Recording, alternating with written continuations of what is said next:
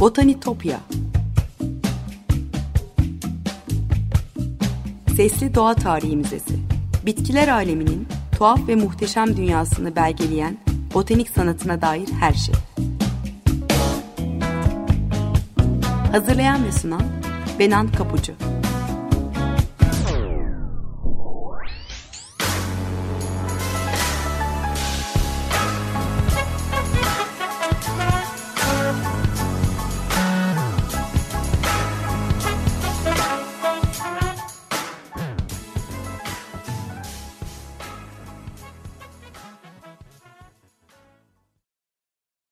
Merhaba sevgili Açık Radyo dinleyicileri.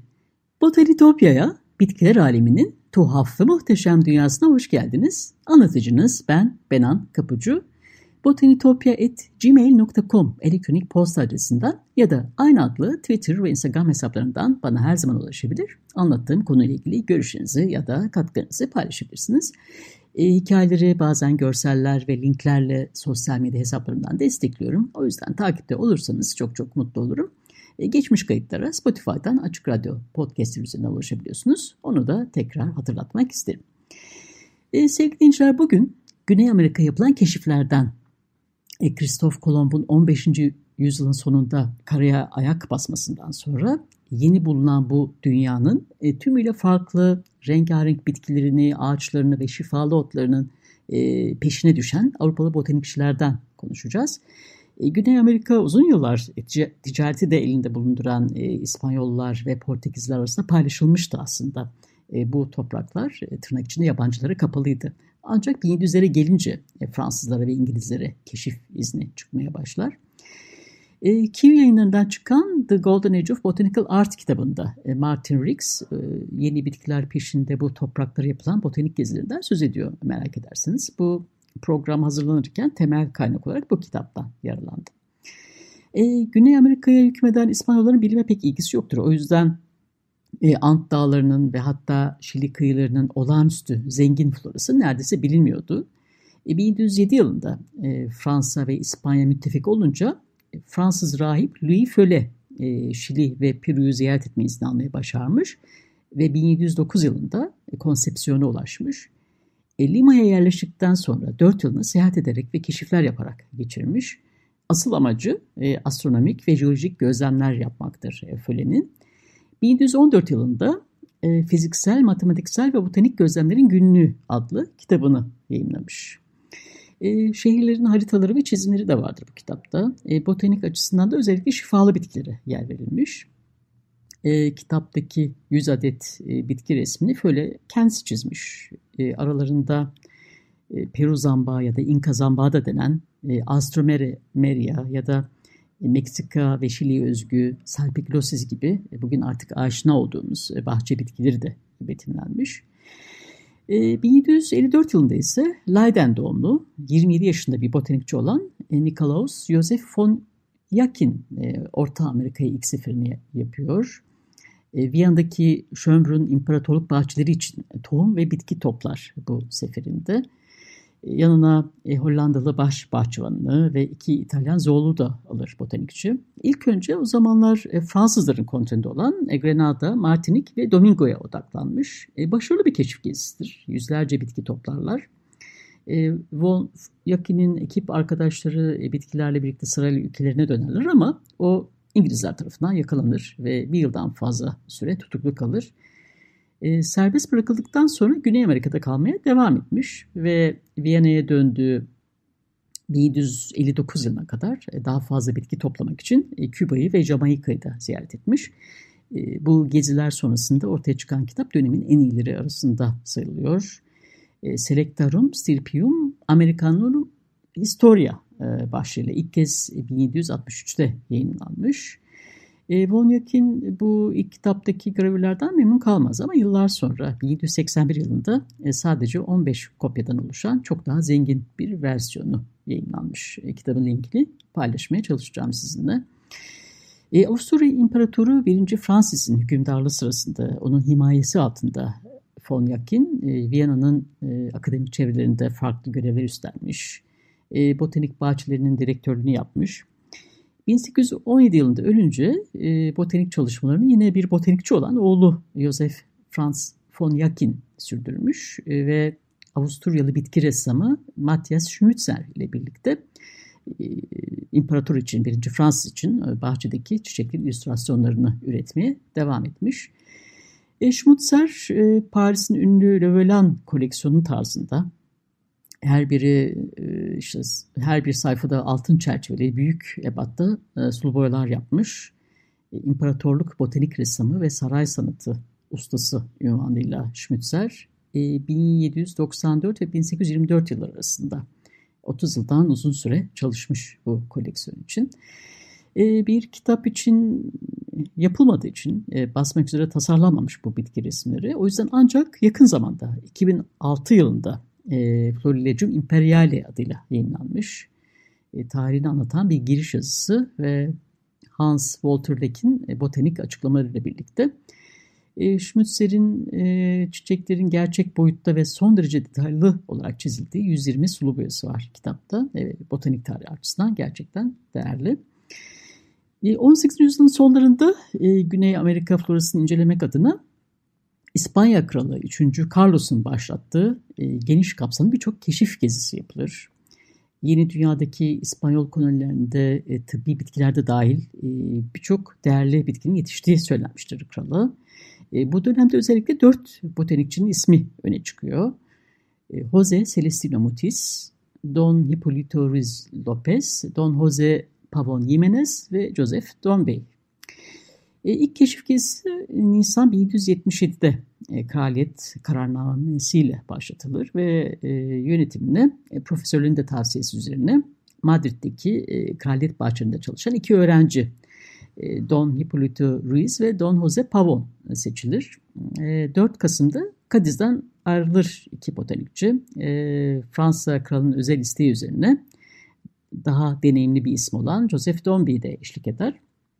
E, Fransız botanikçi Joseph Dombey e, Montpellier'de eğitim görmüş. E, daha sonra Paris'e taşınarak Jardin du Roy'da çalışmıştı. E, keşif gezisine iki sanatçı, bir çırak botanikçi ve bir çırak sanatçı da katılır.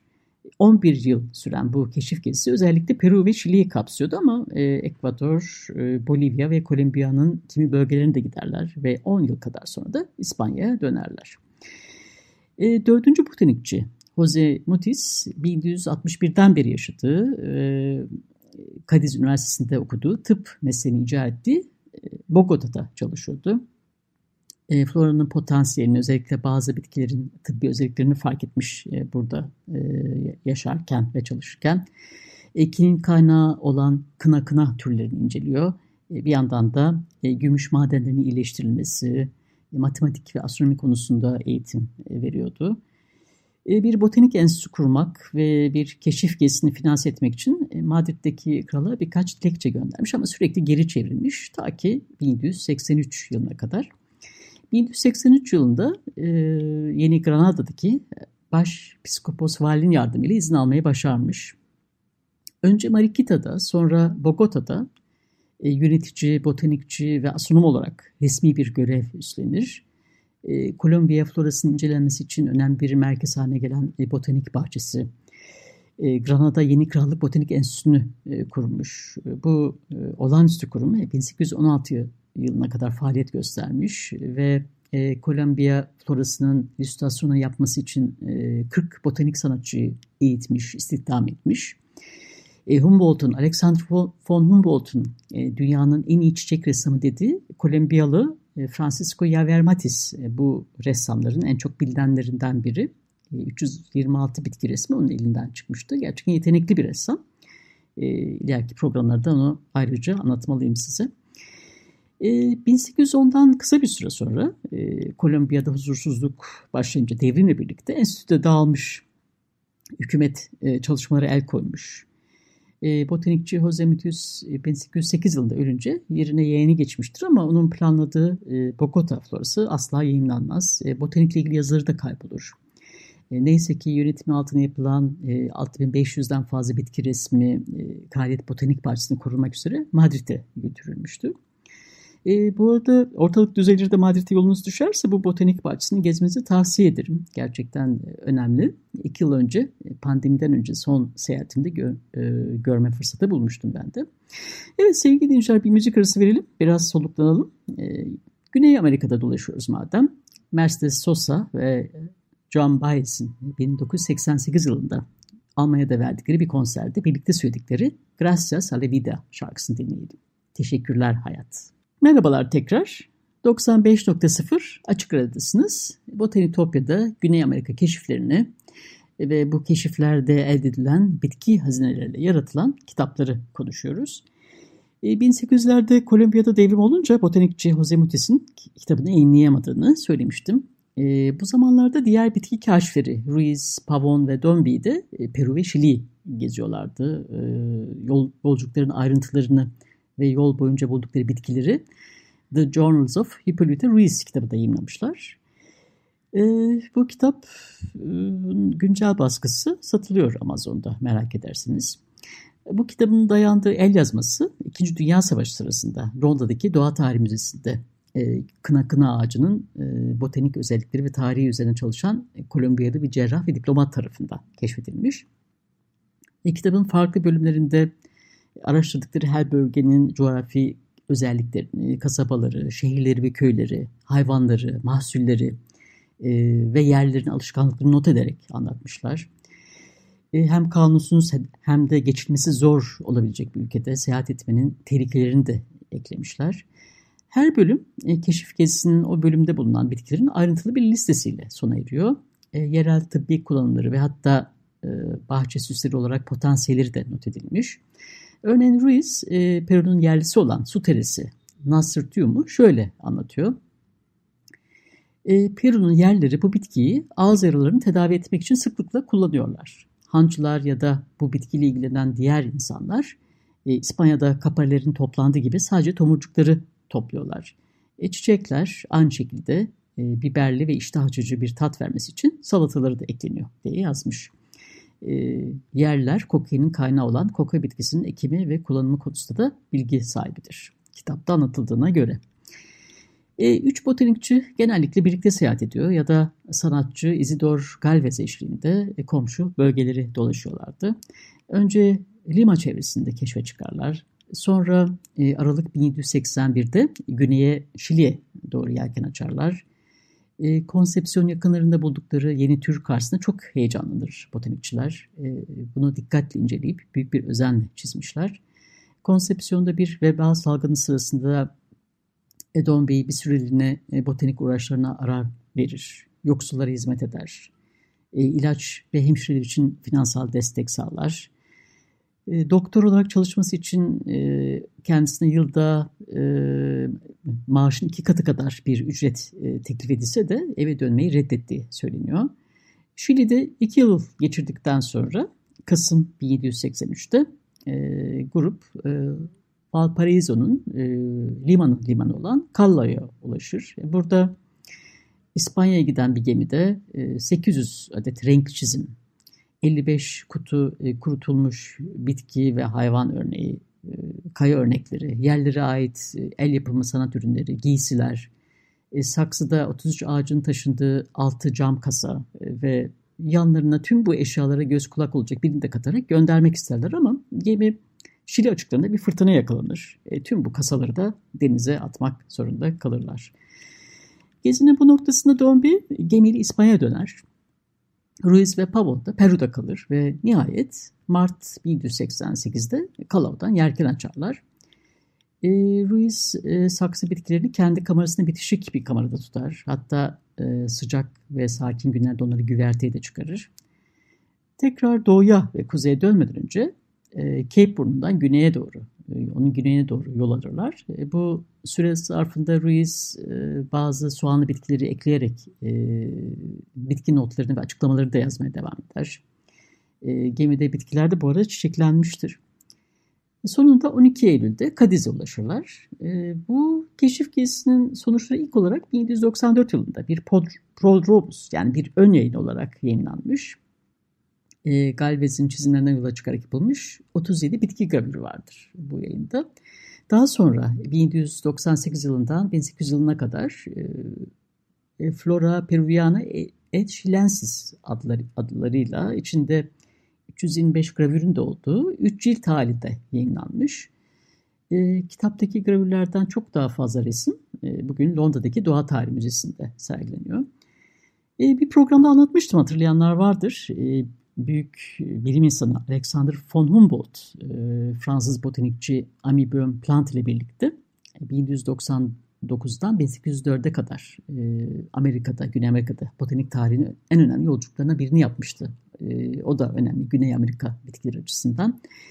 1800'de Orinoco ve Rio Negro'yu keşfedip bir yıl sonra Ekvador'da hem bitki ressamı Mutis'i ziyaret edip hem de Chimborazo Dağı'nda 5878 metreye yani o zamana dek yapılmış en yüksek zirveye tırmanmışlardı. E, Humboldt akıntısının varlığını ortaya çıkarmış ve daha pek çok keşfe imza atmışlardı. E, bu keşif gezisinin sonuçları 30 ciltlik e, yeni kıtanın ekinokyal bölgelerine yolculuk e, kitabında bir yere getirilmişti. E, son derece e, kapsamlı ve değerli bir yayın. E, ciltler o kadar pahalıya çıkmış ki Humboldt'un kendisinin bile bir kopyasını almaya gücü yetmediği e, söyleniyor. 1805 ile 1829 yıllar arasında yayınlanmış bu ciltler. Fransız botanikçiler Pierre-Antoine Potet ve Pierre Jean-François Turpin'in kurutulmuş herbaryum örneklerinden bakarak yaptığı bilimsel doğruluğu olan mükemmel bitki illüstrasyonlarıyla dolu bir eser. 896 ee, levha renkli olarak basılmış ve elle tamamlanmış. 220'si e, elde renklendirilmiş e, gravür levhalardan oluşuyor. 145'i 145 adet gravürde renksiz olarak basılmış. E, birkaç örneği paylaşacağım sizinle Twitter adresim üzerinden. Güney Amerika keşiflerine dair bir başka muazzam çalışmada Bavyeralı botanikçi Karl Friedrich Philipp von Martius'a ait. E, Brezilya İmparatoru Dom Pedro de Alcantara ile evlenen Arşidüşes Maria Leopoldina'nın himayesinde Brezilya'ya gitmiş e, e, Babilyalı botanikçi. E, 1817'den 1821'e kadar bir zoolog olan Johann Baptist von Spix ile birlikte e, ülkeyi kah yürüyerek, kah at sırtında veya kanoyla dolaşmış. E, Avrupa'ya binlerce bitki örneğiyle birlikte dönmüş Martius. E, önce Münih'teki botanik bahçesine, sonra oradaki üniversiteye botanik profesörü olarak atanmış ve iki önemli eser ortaya çıkarmış. İlki açıklayıcı Latince metinler ve neredeyse tamamı kendi çizimlerine dayanan 240 kromolitograf içeren e, Historia Naturalis Palmarum. E, 1823 ve 1850 yılları arasında Leipzig'te 3 cilt halinde yayınlanmış. Sonra 1840 yılında Martius, e, botanikçi Endlicher ile birlikte e, 46 fasikülden oluşan muazzam e, Flora Braziliensis yani Brezilya florası üzerine çalışmaya başlamış. Yaklaşık 4000 taş baskıdan oluşuyor bu muhteşem eser. 1868'de e, ölümünden sonra e, yeni bir bitki sınıflandırma sistemi de geliştiren Alman botanikçi August Eichler tarafından devam ettirilmiş ve ancak 1906 yılında tamamlanmış.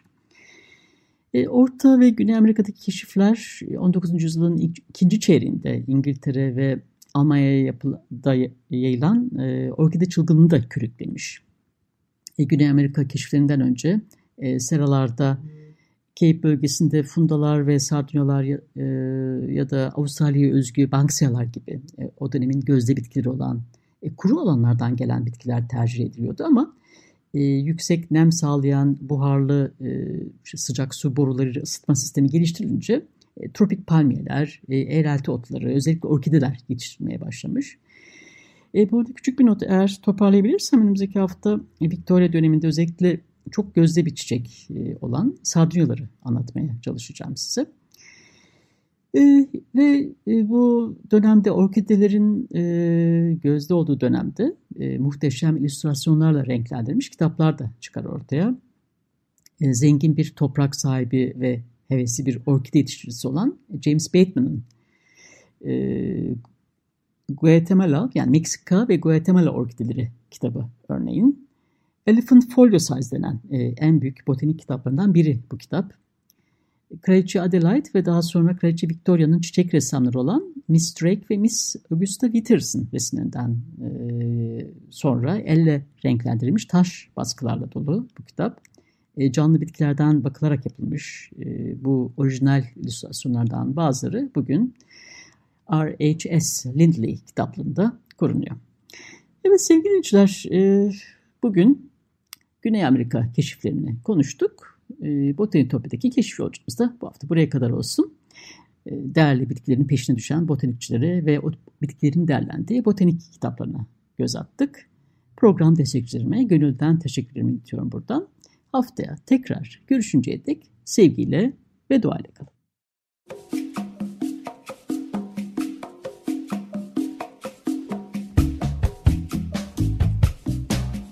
Botanitopya Sesli Doğa Tarihi Müzesi Bitkiler aleminin tuhaf ve muhteşem dünyasını belgeleyen botanik sanatına dair her şey. Hazırlayan ve sunan Benan Kapucu